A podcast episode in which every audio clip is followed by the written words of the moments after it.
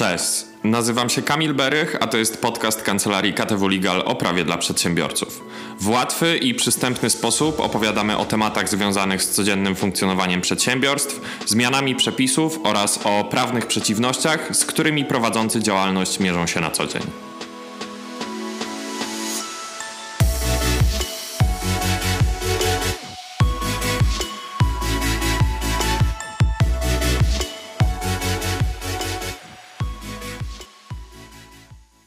Witam Was bardzo serdecznie w kolejnym odcinku naszego podcastu.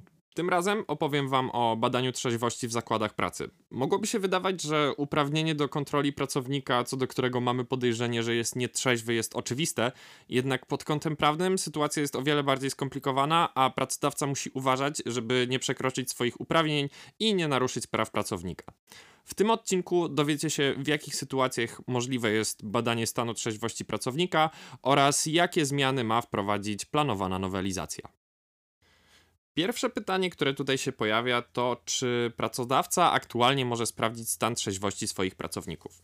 No i zgodnie z aktualnie obowiązującym stanem prawnym na gruncie rozporządzenia RODO, artykułu 22 z indeksem 1b paragraf 1 kodeksu pracy oraz stanowiska prezesa Urzędu Ochrony Danych Osobowych, badanie trzeźwości pracownika jest możliwe wyłącznie na żądanie kierownika zakładu pracy, osoby przez niego upoważnionej lub pracownika, co do którego zachodzi uzasadnione podejrzenie, że spożywał alkohol w czasie pracy lub stawił się do niej po użyciu alkoholu, przy czym te badanie musi zostać wykonane przez uprawniony organ powołany do ochrony porządku publicznego, czyli na przykład przez policję. Podstawę działania organu uprawnionego do ochrony porządku publicznego stanowi w tym przypadku artykuł 17 ustawy o wychowaniu w trzeźwości i przeciwdziałaniu alkoholizmowi. Wynika to z faktu, iż dane o stanie trzeźwości uznawane są na podstawie artykułu 9 ust. 1 rozporządzenia RODO za dane o stanie zdrowia, a zatem na ich przetwarzanie niezbędna jest zgoda osoby, której one dotyczą, jak również przetwarzanie tego rodzaju danych może mieć miejsce wyłącznie z inicjatywy tej osoby. W ocenie pracodawców taki model postępowania znacznie utrudnia działanie w razie podejrzenia, iż pracownik stawił się do pracy pod wpływem alkoholu czy też innych środków psychoaktywnych wprowadzających go w stan nietrzeźwości. E, takie badanie wymaga też każdorazowego wezwania policji na teren zakładu, żeby zweryfikować e, podejrzenia, które mamy. Obecne stanowiska prawne i obowiązujące przepisy uniemożliwiły tym samym legalne dokonywanie tzw. Tak kontroli prewencyjnych i wyrywkowych w trakcie np. wejścia pracowników na teren zakładu pracy, uznając je za naruszenie godności pracownika i ich danych osobowych, a dokładnie danych o stanie zdrowia.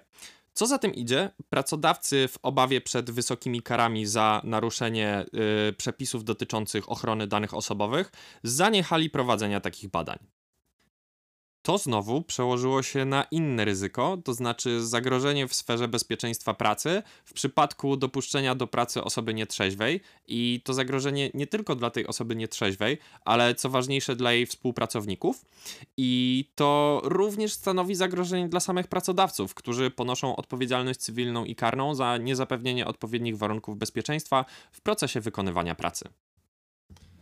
I tutaj pojawia się pytanie, czy planowana jest jakaś zmiana przepisów w zakresie badania trzeźwości, ponieważ środowisko pracodawców już od dłuższego czasu postulowało o konieczności wprowadzenia zmian prawnych w tym zakresie, tak aby dłużej nie był konieczny wybór pomiędzy bezpieczeństwem pracowników i poszanowaniem ich dóbr osobistych.